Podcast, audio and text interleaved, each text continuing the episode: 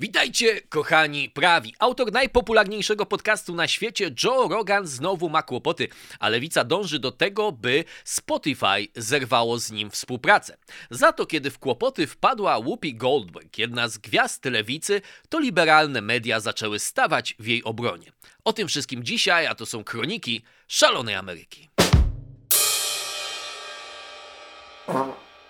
Okay, witajcie po raz kolejny na kanale. E, dzisiaj taki temat trochę lżejszy, ale też moim zdaniem bardzo ważny, dlatego jak będzie się rozwijała na całym świecie przestrzeń medialna, bo oczywiście to, co dzieje się w Stanach, ma właściwie nie nawet jest kopiowane. Przecież my korzystamy z tych samych serwisów streamingowych, z tych samych platform, na których niezależni twórcy mogą e, publikować e, swoje, swoją twórczość czy swoje programy, tak jak ja to robię na YouTubie i także na podcastach. Zawsze polecam te podcasty. Oczywiście ja z tego nic nie nie mam, więc wolę, żebyście oglądali to na YouTubie, ale jak ktoś z Was woli, nie wiem, tak jak ja, ja przyznam szczerze, częściej słucham rzeczy takich na właśnie Spotify czy mm, Apple e, Podcast, bo po prostu na przykład idę sobie z psem i sobie słucham jakiegoś e, podcastu, więc możecie to robić, rzadko to reklamuję, ale taka opcja zawsze jest, zwykle jeden dzień albo dwa dni to się pojawia. E, zanim zaczniemy, to wszystkich, którzy jeszcze nie subskrybują tego kanału, są na nim pierwszy raz i interesuje ich polityka amerykańska, albo stwierdzają, że nie będą w stanie przeżyć jeszcze jednego tygodnia bez co najmniej dwa razy ujrzenia mojej pięknej twarzy, to zachęcam do subskrypcji. Ciągle 10%, 15% tylko moich widzów to nie są subskrybenci, co oznacza, że jeżeli chcecie mieć pewność, że, a przynajmniej zwiększyć prawdopodobieństwo, że następne moje filmy do Was trafią, to zasubskrybujcie ten kanał, dajcie lajka, pozdrówcie suki. Bardzo będę wdzięczny za wsparcie. To jest ciągle rozwojowy etap tego kanału i będę wdzięczny za każde, e, za każdy komentarz, za wszystko, co pozwoli mi przekonać algorytm YouTube'a do tego, że to, co robię, jest wartościowe. A teraz już przechodzimy do rzeczy. Zacznijmy od tego, kim jest w ogóle Joe Rogan. Joe Rogan to jest bardzo ciekawa postać na amerykańskiej scenie medialnej. On w tych mediach tradycyjnych, bo nawet nie można powiedzieć mainstreamowych, bo jakby powiedzieć, jakby spojrzeć na zasięgi, to Joe, Joe Rogan jest dzisiaj bardziej mainstreamowy niż 99% e, prezenterów e, CNN. Natomiast te media tradycyjne, czyli telewizja i tak dalej, on się zajmuje komentowaniem walki UFC, czyli to są te mieszane tak zwane sztuki walki. Jest też komikiem. Ja uważam, że niezbyt zabawnym, mówiąc szczerze, e, ale może są jego fani jacyś jego komedii, ale przede wszystkim znany jest jako autor no, najbardziej yy, udanego i posiadającego chyba największe zasięgi na świecie podcastu Joe Rogan Experience. Charakterystyka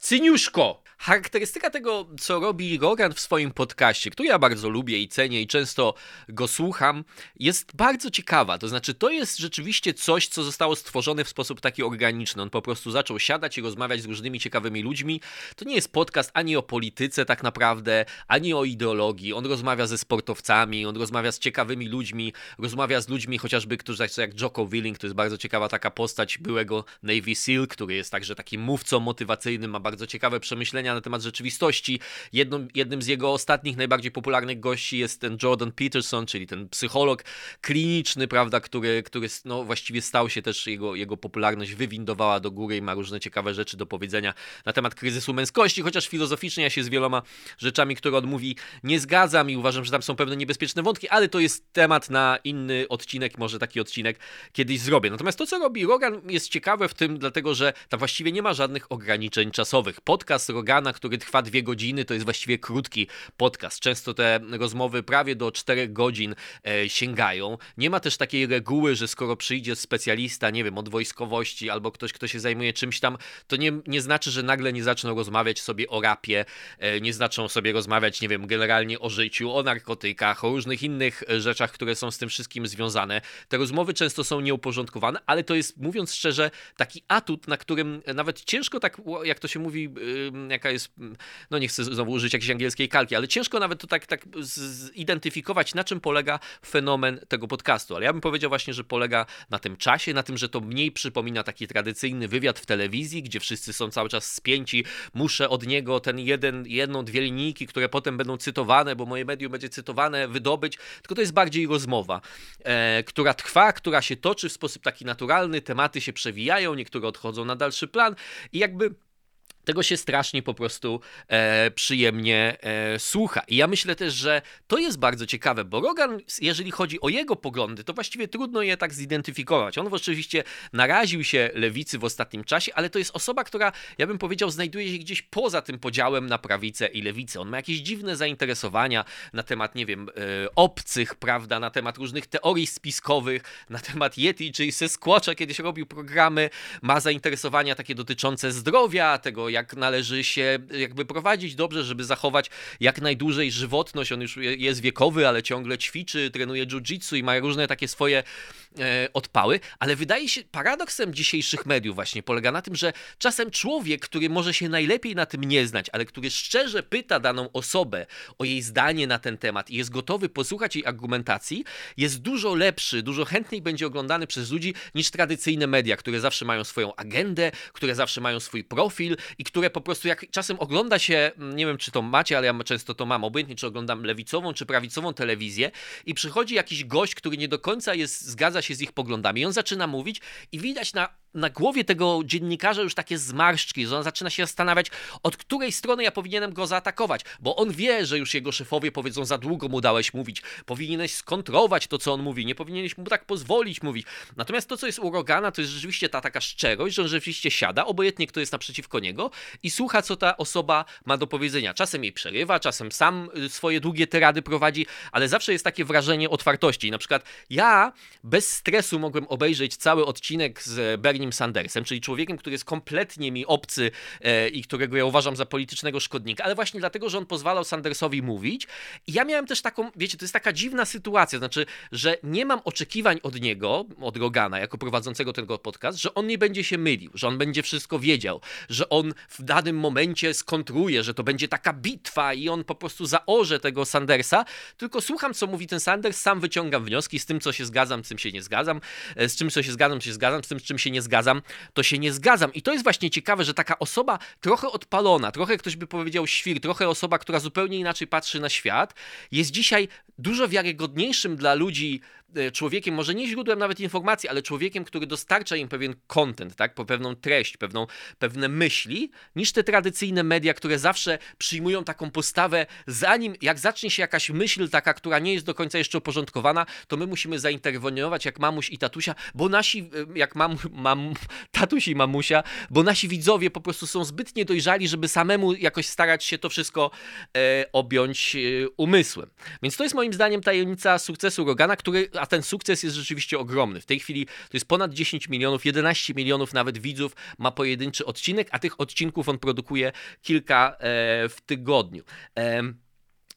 tam jest, e, oczywiście on ma swoje poglądy, które moim zdaniem przez te ataki na niego też coraz bardziej idą w stronę prawicy, ale trzeba rozumieć w, w, stronę jakiej prawicy. To jest w stronę prawicy, która ciągle broni takich wartości jak wolność wyboru, wolność słowa, wolność do wyrażania własnego zdania, wolność do jakiegoś rozsądnego rozumowania, nie przyjmowania wszystkich rzeczy jako dogmatów, które należy przyjąć za dobrą monetę. I na przykład Rogan, na, chyba jako jedną z pierwszych rzeczy, które się naraził lewicy, to jego taka ostra opozycja wobec występowania trans tych sportowców, czyli mężczyzn tak naprawdę, którzy się e, uznali za kobiety w sportach. No on oczywiście patrzył na to e, w sportach walki. Długie kilka razy miał tyrady w swoim programie na temat tego, jak kobieta ma zupełnie inną strukturę mięśni, nawet jak zacznie e, facet brać em, hormony żeńskie, to oczywiście to tak naprawdę niewiele zmienia, bo te przewagi, które miał ze z powodu większego testosteronu przez całe swoje życie w jakiś sposób zachowa. E, I to są oczywiście rzeczy ciekawe, ale to są rzeczy, które są nieakceptowalne, chociaż tak naprawdę e, nikt nie ma argumentów dlaczego, bo po prostu tak powinno powinno być i to jest następny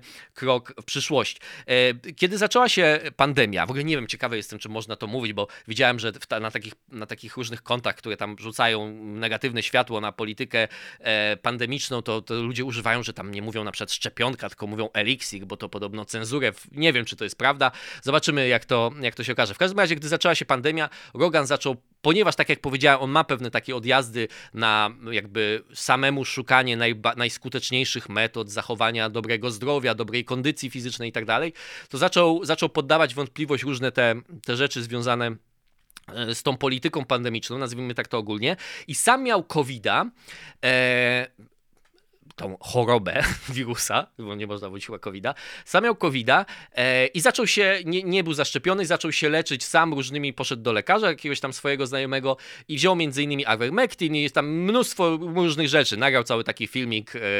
na Instagramie, powiedział, że wszystko co możliwe to rzucili na tą chorobę, no i oczywiście, jak to często bywa w tych przypadkach, e, po jakimś tam przechorowaniu lekkim czy mniej lekkim e, wyzdrowiał. Ale to wzbudziło straszny po prostu ten CNN portal informacyjny. Mówił, że ten ivermectin, który wziął, ivermectin, nie wiem jak to się mówi po polsku, ivermectin, który on wziął, to był po prostu e, odrobaczacz dla koni, że to był, e, że to był medycyn, no, tfu, lek, który jest przeznaczony dla koni. SNL, który stał się ostatnio z komediowego jakimś takim e, e, kolejnym e, odnogą Wydziału Propagandy, prawda, amerykańskiej i Białego Domu chyba, zrobił cały taki sketch, który w ogóle nie był śmieszny, że wchodzi Joe Rogan i mówi, o, biorę, biorę leki dla konia, mi to pomoże, bo coś tam, bo, y, bo też palę trawkę i tak dalej. Jakby takie wyśmiewanie go, mm, ale to wszystko było w takim kontekście, że Joe Rogan przerwał pewnym, pewien konsensus taki, że to my, eksperci, oczywiście SNL też występuje w roli, jeśli nie ekspertów, to przynajmniej rzeczników ekspertów, prawda? To znaczy oni są, my będziemy decydować, co jest dla was dobre, co jest dla was złe i on jakby to, e, to zniszczył i to było strasznie niebezpieczne i dlatego uzasadnione było to, żeby CNN mówił, że to był lek dla konia, mimo tego, że oni wiedzieli, że to nie był lek dla konia, bo ivermectin jest sprzedawany w wielu tam różnych formach i to, co brał Rogan, to jest normalny lek dla ludzi, który jest stosowany, który mu został normalnie przepisany przez lekarza. Ale to właśnie było tym spowodowane. Zresztą e, Sanjay Gupta, to jest taki doktor, który jest głównym konsultantem medycznym w CNN, jak był e, w podcaście Rogana, to sam był zmuszony przyznać i wyszedł na kompletnego moim zdaniem idiotę, bo powiedział, no to nie było zbyt przyjemne, że oni powiedzieli, że ty bierzesz, że ty bierzesz leki dla, dla koni. A Rogan mówi do niego, no nie, nie, to nie chodzi o to, że to nie było przyjemne, to był po prostu fałsz, to był fake. Dlaczego nikt z waszej telewizji nie zabrał w tej sprawie głosu? Głosu. No ale dlaczego nie zabrali głosu? Dlatego, że stwierdzili właśnie, że ich rola jako mamusi i tatusia e, publiki, czyli tych, którzy niekoniecznie muszą im mówić całą prawdę, ale zawsze będą im mówili to, co według nich jest najkorzystniejsze dla tej publiki, e, jakby predestynuje, czy, czy wyznacza im taką rolę, że mogą nawet kłamać, jeżeli oczywiście jest to, e, czy naginać w pewnym sensie prawdę, mm, jeżeli to jest oczywiście w ich ogólnym e, interesie, tak? E, Rogan e, chyba rok temu, mniej więcej tak, to, to chyba było od rok temu, przeniósł się na stałe na platformę Spotify. Ogromne pieniądze platforma Spotify, która wtedy chciała też jakby zacząć konkurować właśnie w podcastach, e, nie tylko w muzyce, mm, e, z Apple pewnie i z Google, tam jakimiś innymi różnymi E,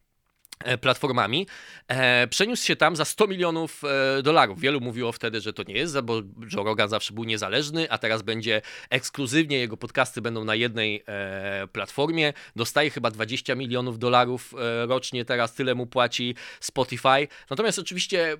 charakter tego jego programu bardzo się nie zmienił, chociaż jak tylko Rogan trafił do Spotify, to po kilku miesiącach zaczęły się protesty tych bardziej takich lewicowych pracowników, że obecność Rogana w firmie, którą oni uważają za swoją, sprawia, że oni czują się niebezpiecznie, bo Rogan był nie tylko krytykowany za to, co dotyczyło szczepionek, ale też na przykład zapraszanie, on u niego gościł taki no szalony już zupełnie prawic, no nawet nie wiem, czy można by go, ale taki zwolennik teorii spiskowych i tego, i różnych takich, Alex Jones, prawda, no jakiś kojarzony na pewno ze skrajną prawicą, e, był Ben Shapiro, który na pewno nie należy do skrajnej prawicy, ale też jego obecność była nie do pomyślenia dla lewicy. I jakby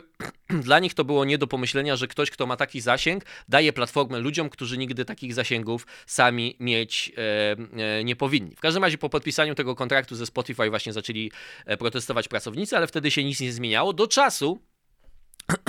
jak, e, znaczy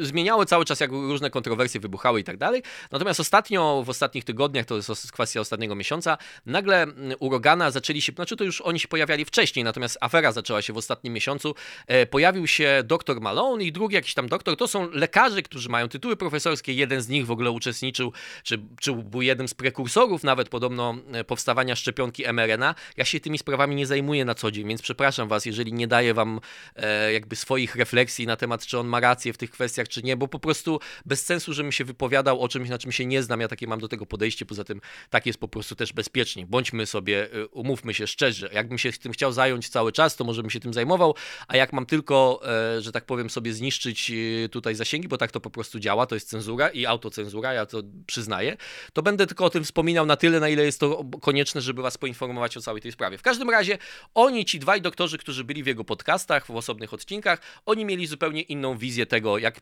szczepionki, że należy na nie uważać, e, różne tego typu rzeczy mówili. On słuchał tego, co oni mieli do powiedzenia. Tak jak powiedzieliśmy, w jego podcaście byli też jakby zwolennicy bardziej tradycyjnych, e, tradycyjnego, czyli tego bardziej mainstreamowego dzisiaj, konsensusowego podejścia e, do szczepionek, ale wtedy, ale to oburzyło wszystkich, że to jest nie, nie, niedopuszczalne i zaczął się spin, który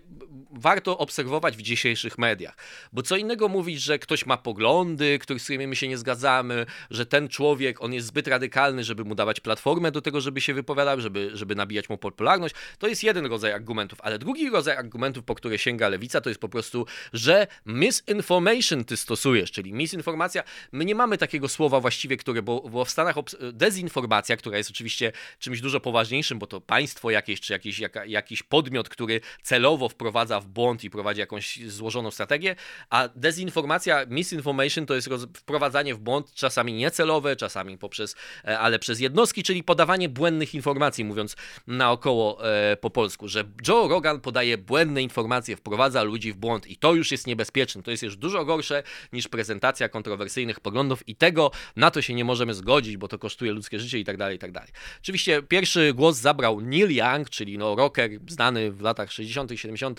Nie jestem jakimś wielkim fanem jego muzyki, ale podobno jest bardzo ważny, one kochają go miliony. W każdym razie Neil Young powiedział, że on żąda, żeby Spotify zdjęło jego muzykę z jego platformy i nawet użył takiego słowa, że albo możecie mieć Younga, albo możecie mieć Rogana, albo on, albo ja. Spotify e, zdjęło tą muzykę, potem zaczęło wykonywać takie dziwne ruchy, że musi stworzyć policy, prawda, czyli reguły korzystania z serwisu, że stworzy taki hub czy jakiś portal z informacjami na temat e, pandemii. Rogan sam nagrał wideo, w którym stwierdził, że trochę przeprasza tych, którzy mogli się poczuć urażeni, e, trochę bronił tego, co powiedział, że miał ludzi o różnych zdaniach, że nie może się starał teraz, e, jak będzie miał kontrowersyjnych gości, to potem od razu będzie zapraszał gości, którzy będą mogli to wyjaśnić, mniej kontrowersyjnych. To jest bardzo ciekawa generalnie jego reakcja, bo myślę, że wiele, ponieważ on jest wielki, tak, w sensie, że, że jego jakby ten, ten, ten medialny odcisk palca jest olbrzymi i on ma olbrzymie zasięgi i mógłby zrobić to, co chciał, to wielu ludzi liczyło na niego i liczy ciągle na niego, że on będzie w jakimś sposób antidotum na tą cancel culture. I myślę, że w tej, w tej chwili on rozważa swoje różne opcje i zobaczymy,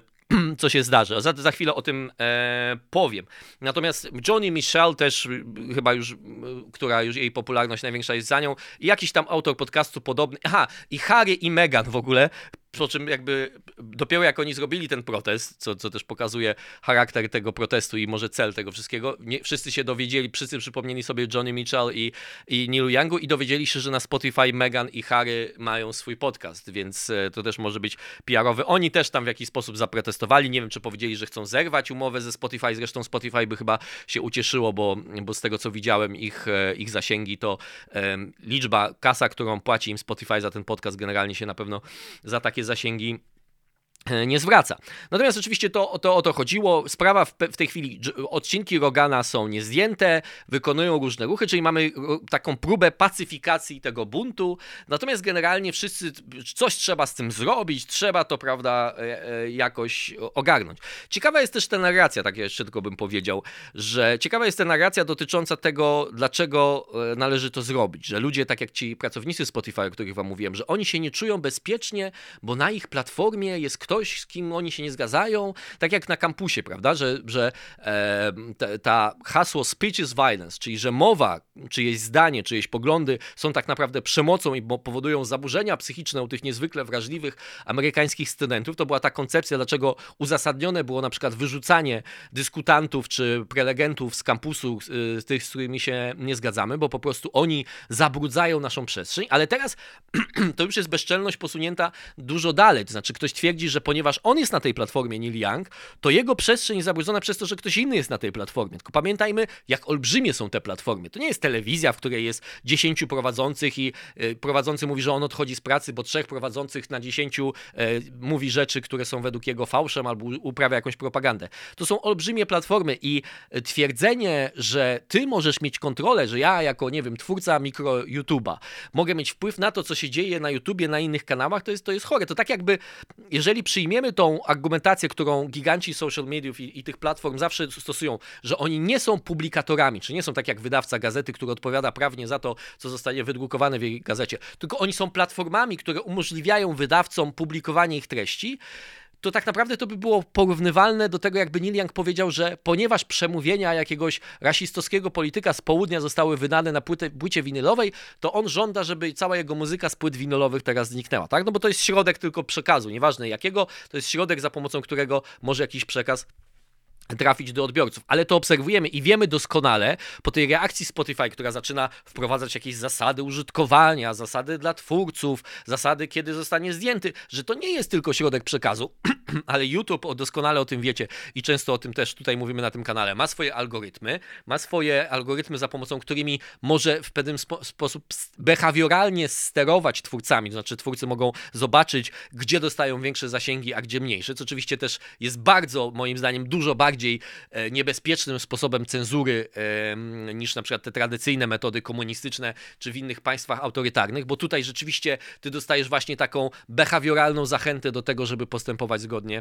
e, z zasadami, ale właśnie to i, to jest moim zdaniem ten, ten punkt, w którym my widzimy, że ani oni nie są tymi tradycyjnymi publikatorami, ale nie są też neutralnymi platformami. To jest bardzo niebezpieczne, zobaczymy jak to się będzie rozwijać. Ja jestem bardzo ciekawy tego, co będzie robił Rogan, bo wie, tak jak powiedziałem, wiele osób myśli o nim jako takim dobrym antidotum na cancel culture i na to, że ponieważ on jest na tyle duże ma zasięgi, że w przeciwieństwie do większości 95 pewnie procent twórców mógłby się przenieść na dowolną platformę, stworzyć swoją własną platformę i te zasięgi pewnie by zachował w dużej e, części. To oczywiście spowodowałoby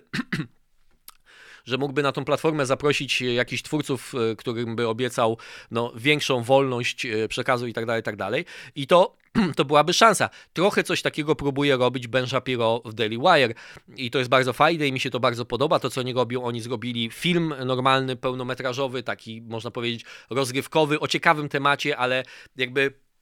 nie lewacki, ale jednocześnie nie będący jakąś prawicową, e, prawicowym pchaniem światopoglądu. To jest film o ataku na szkołę, w której tam dziewczyna musi uciekać. Nie widziałem tego filmu, nie, więc nie będę dalej mówił. E, jak Amazon usunął film na temat Clarence'a Thomasa, to jest konserwatywny i czarny e, sędzia Sądu Najwyższego, to Daily Wire przejęła ten film, mają swoje programy takie, które naśladują już takie, można powiedzieć, show e, pełnowymiarowe, jak program Canon Owens, czyli takie, takie late nighty, można powiedzieć i tak dalej wartość produkcyjna bardzo rośnie. Natomiast trzeba sobie powiedzieć, że to jest kropla w morzu. Tak? To jest jeden film, jeden film dokumentalny, mają jakieś inne filmy, natomiast jak spojrzycie na bibliotekę Spotify, YouTube'a, Netflixa, HBO i tak dalej, tak dalej, to żeby, żeby prawica zaczęła myśleć o tym, że będzie miała jakąś swoją platformę, to, są, to, są, to jest bardzo, bardzo daleka perspektywa i na pewno nie będzie łatwo tego zmienić, ale, ale sprawa Rogana jest, jest warta obserwowania. Wydaje mi się, że jednak, że powiedziałbym pesymistycznie, że to wszystko zmierza do tego jakiegoś kompromisu, że on powie, że e, co już jest jakby pewnym krokiem, tak, no bo zawsze e, obiecan, jakby obietnica taka wypowiedziana, czasem, a nie, czasem niewypowiedziana jego programu była taka, że obojętnie czy się z tym zgadzasz, ja z wieloma rzeczami się nie zgadzałem, wielokrotnie widziałem rzeczy, których on nie ma pojęcia i się wypowiada, ale dla mnie właśnie to nie był problem, dlatego, że on nigdy nie mówił mi, że on jest autorytetem w tych wszystkich kwestiach, on po prostu Rozumiecie, to jest tak, jakbyście powiedzieli: Nie będę rozmawiał z moim sąsiadem na jakiś temat, bo on nie jest największym specjalistą. No to jest normalna komunikacja, tak wygląda, że czasem musimy wziąć pod uwagę, że ktoś może mieć inne zdanie niż my, czasem ktoś może się nie znać, może nie mieć wszystkich informacji, ale to do nas należy ostatecznie, jako odpowiedzialnych ludzi, rozwiniętych, oczytanych i tak dalej, ocena tego. Ja nie wiem, może są y, ludzie, e, którzy Rogana uznają za najwyższy autorytet i, i ich programy Rogana na przykład przekonały do tego, żeby się nie szczepili, ale ostatecznie mnóstwo jest takich rzeczy, które są niebezpieczne. I jednym z największych tupetów dzisiejszych mediów w momencie jak ograniczane są ich zasięgi e, i, i coraz mniej ludzi je ogląda, to jednocześnie oni twierdzą, że oni będą autorytetami i oni będą nam ciągle mówili i że jakby bezczelność ich, e, czy, czy taka brak kalkulacji jest to, że oni mogą to kontrolować. W jaki sposób e, to, co oni mówią, będzie miało wpływ na nas. Nie są w stanie tego stwierdzić tak naprawdę nigdy i często rzeczy, które być może nawet wynikają z dobrych intencji, przynoszą otwarte skutki. To, co jest ciekawe z tym Spotify, z tak jak roz, rozwijają się te platformy społecznościowe, moim zdaniem, jedna rzecz jest ciekawa, to znaczy, że Walter Lippmann to był e, twórca doktryny propagandy w latach dwudziestych w Stanach Zjednoczonych razem z drugim tym panem, który się nazywał Bernays, czy jakoś tak. E, I on stworzył tą oczywiście znaną powszechnie koncepcję gatekeeper, tak? Czyli media są gatekeeperem, czyli ten, kto jakby kontroluje przekaz. Jest rzeczywistość, z drugiej strony jest odbiorca, ale to media decydują o tym, co na temat rzeczywistości się dowie odbiorca. Odbiorca tak naprawdę myśli, że on poznaje rzeczywistość, ale tak naprawdę poznaje tylko to, co mu pozwolą gatekeeperzy u, u, mm, zobaczyć. I sprytny sposób, w jaki te media, które tracą tak naprawdę oglądalność i zupełnie nie są, mm, tracą w ogóle swoją rolę w społeczeństwie kreatorów opinii publicznej, to sposób, który oni jakby znalazły na przedłużenie swojej żywotności, to jest właśnie walka z dezinformacją, z błędnymi informacjami, bo to się odbywa dzisiaj w ten sposób właśnie, taką rolę odgrywają te wszystkie portale fact-checkingowe, że teraz ty sobie publikujesz coś na social media, nie jesteś związany z tradycyjnymi mediami, ale te social media będą się zwracały do tradycyjnych mediów i powiedzą, czy to, co on powiedział jest koszerne, czy to jest zgodne z opiniami wszystkich najważniejszych ekspertów, czy on nie podważa ocieplenia klimatu, czy on nie, nie prowadzi antytransfobicznej propagandy i tak dalej, i. I te media będą to określać, czyli ciągle, chociaż nie będą miały tego zasięgu, to ciągle będą miały wpływ na to, jak e, mentalność społeczeństwa się mm, kreuje. Oczywiście e, z taką wolną Amerykanką też jest związane wiele niebezpieczeństw, ale my pa musimy pamiętać, y, niebezpieczeństwa będą zawsze i y, ja jestem zwolennikiem jednak pełnej wolności słowa, obojętnie jak, jak ją, jak ją e, nazwiemy, bo jedyny sposób na to, w jaki sposób jesteśmy od, odwieść ludzi od rzeczy, których nie chcemy, żeby słuchali, albo nie chcemy, żeby brali za dobrą monety, to ich przekonać, bo, bo ostatecznie, e, ostatecznie taki przekaz i tak do nich trafi, a uważam, że to, co robi Rogan, jest najuczciwsze, jak to jest tylko możliwe, tak, bo e, nikt z tych ludzi, zresztą to widać było po panu Sanjaye Gupcie. To znaczy, że on w tym formacie, gdzie masz czas, jak potrzebujesz 3 godziny, możesz mieć 3 godziny, tak? Nie był w stanie się tak dobrze sprawdzić, jak się sprawdza w tym okienku w CNN 5 minut i on mówi, to, jest, to są moje bullet points, to są moje, prawda, e, ten. Więc o ile można tam powiedzieć, że ktoś może wprowadzać ludzi w błąd, albo jego poglądy nie są zbyt precyzyjne, albo opiera się na fałszywych przesłankach, to dla widza szansa posłuchania go przez 3 godziny to jest najlepsza szansa, jaką będzie miał, żeby wyrobić sobie zdanie i, e, i zrozumieć punkt widzenia tej osoby i się albo z nią zgodzić, albo nie. Na pewno lepsza szansa niż mówienie przez 30 sekund do kogoś, ci, którzy mówią wam, że powinniście nosić to, a nie nosić to, wziąć to, a nie wziąć tego, to oni są, prawda, źli, a ci są dobrzy i to są nasi eksperci, eksperci mówią, prawda, i tak dalej, i tak dalej. Bo wiemy doskonale, jak ci eksperci się sprawdzili. Ale co jest jeszcze ciekawsze w, w, związku z tą sprawą Joe Rogana? Whoopi Goldberg. Ona jest oczywiście aktorka znana, prawda, zakonnica, coś tam, jakieś tam filmy były z Whoopi Goldberg dawno temu, pewnie większość z was, młodych ludzi, chociaż mnie chyba mniej młodych ludzi ogląda, więc większość z was wie, kto to jest Whoopi Goldberg. Ale ona jest e, współprowadzącą taki jeden z najgłupszych programów e, w amerykańskiej telewizji, The View. Tam siedzi pięć bab e, i, no, no nieważne, że są baby, ale też trochę ważne, że to są baby i gadają na różne tematy polityczne, kulturowe i tak dalej, i tak dalej. I w ostatnim tym programie to, jest, to oczywiście ma bardzo mocno liberalne, pro-bidenowskie, antytrumpowe e, nastawienie. No, ale w tym programie e, sprawa Holokaustu była omawiana. I nagle Whoopi Goldberg wypada coś takiego, że Holokaust, w Holokauście nie chodziło o rasę. To nie była kwestia rasy. Potem ona coś mówi takiego, co moim zdaniem dałoby się jakoś, że ona po prostu jest głupia yy, i, się nie zna, yy, ale że to nie chodziło o rasę, bo to były grupy dwie białych ludzi, prawda? Swoją drogą, na, tak, na, w ramach takiej dygresji, to jest też ciekawe, jak właśnie ta ideologia, yy, prawda, antyrasizmu, czyli jakby stworzenie z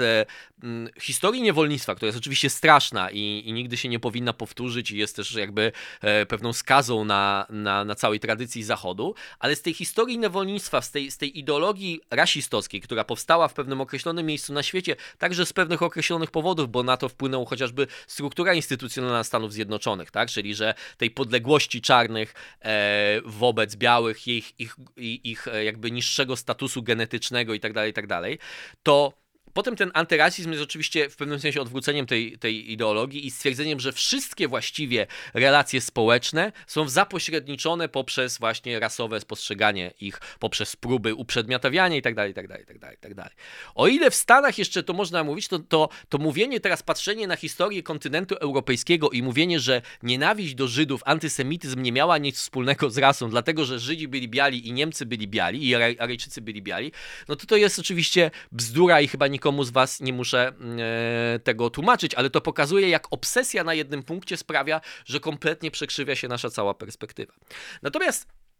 tak jak powiedziałem, ja nie słucham Whoopi Goldberg, nie mam problemu z tym, że ona sobie jakieś tam rzeczy mówi. Oczywiście i na prawicy właściwie nie ma żadnych nawoływań do tego, żeby Whoopi Goldberg została skancelowana, tak? No ale oczywiście są pewne organizacje bardziej lewicowe, żydowskie, które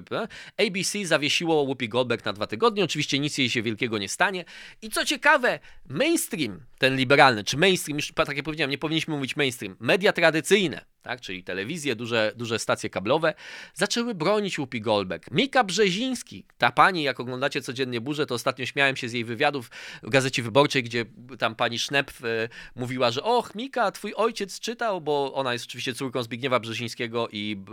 siostrą nowego ambasadora w Polsce e, USA, że oni wszyscy czytali Wyborczą, jesteśmy wielką rodziną. Ale ona w tym wywiadzie mówi między innymi o tym, że bardzo dobrze, że Donald Trump został zbanowany, bo dyskusja zyskała, bo to było szkodliwe. Lepiej, żeby Donalda Trumpa z nami nie było. A teraz w tej sytuacji w jednym ze swoich programów mówi nagle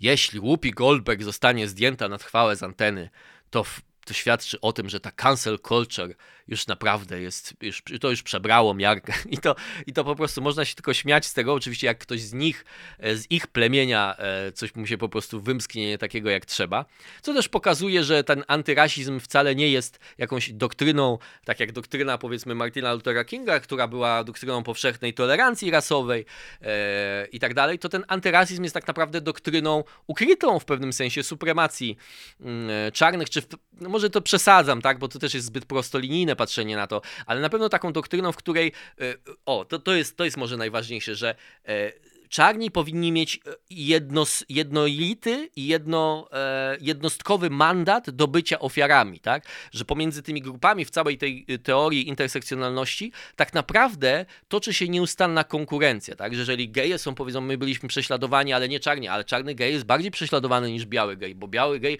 korzysta jednak z białej supremacji i tak dalej, i tak dalej. I jest ciągła, jest ciągła walka o to, kto jest najważniejszą ofiarą i wydaje mi się, że to stwierdzenie, że tam nie chodziło o rasę Whoopi Goldberg, Choć nie wiadomo, no bo jak ja powiedziałem, ona jest głupia. Nigdy rozumowania głupiego człowieka nie zrozumiemy. E, natomiast, bo sami oczywiście jesteśmy niezwykle, bezwzględnie inteligentni. Natomiast wydaje mi się, że jest tam ten motyw taki właśnie próby ochrony interesu czarnych ofiar e, i nie, nie, e, nie utożsamiania, zresztą Żydzi robili to samo, to trzeba też uczciwie powiedzieć, tak? Czyli tej jednostkowości, niepowtarzalności Holokaustu jako cierpienia historycznego że trzeba chronić tej swojej traumy e, przed innymi. Natomiast oczywiście ta, ta hipokryzja tych liberalnych, tradycyjnych mediów jest taka, no ona może mówić, jej, wiecie co, jak spoczytacie nawet w polskich mediach, to sobie sprawdźcie to, Whoopi Goldberg się coś wymsknęło, niefortunne to były słowa, one nie oddają jej światopoglądu na temat tego, ona na pewno jest dobra, ona jest w przeciwieństwie do Jorogana, który już wielokrotnie prowadził tam dezinformację i tak dalej, i tak dalej.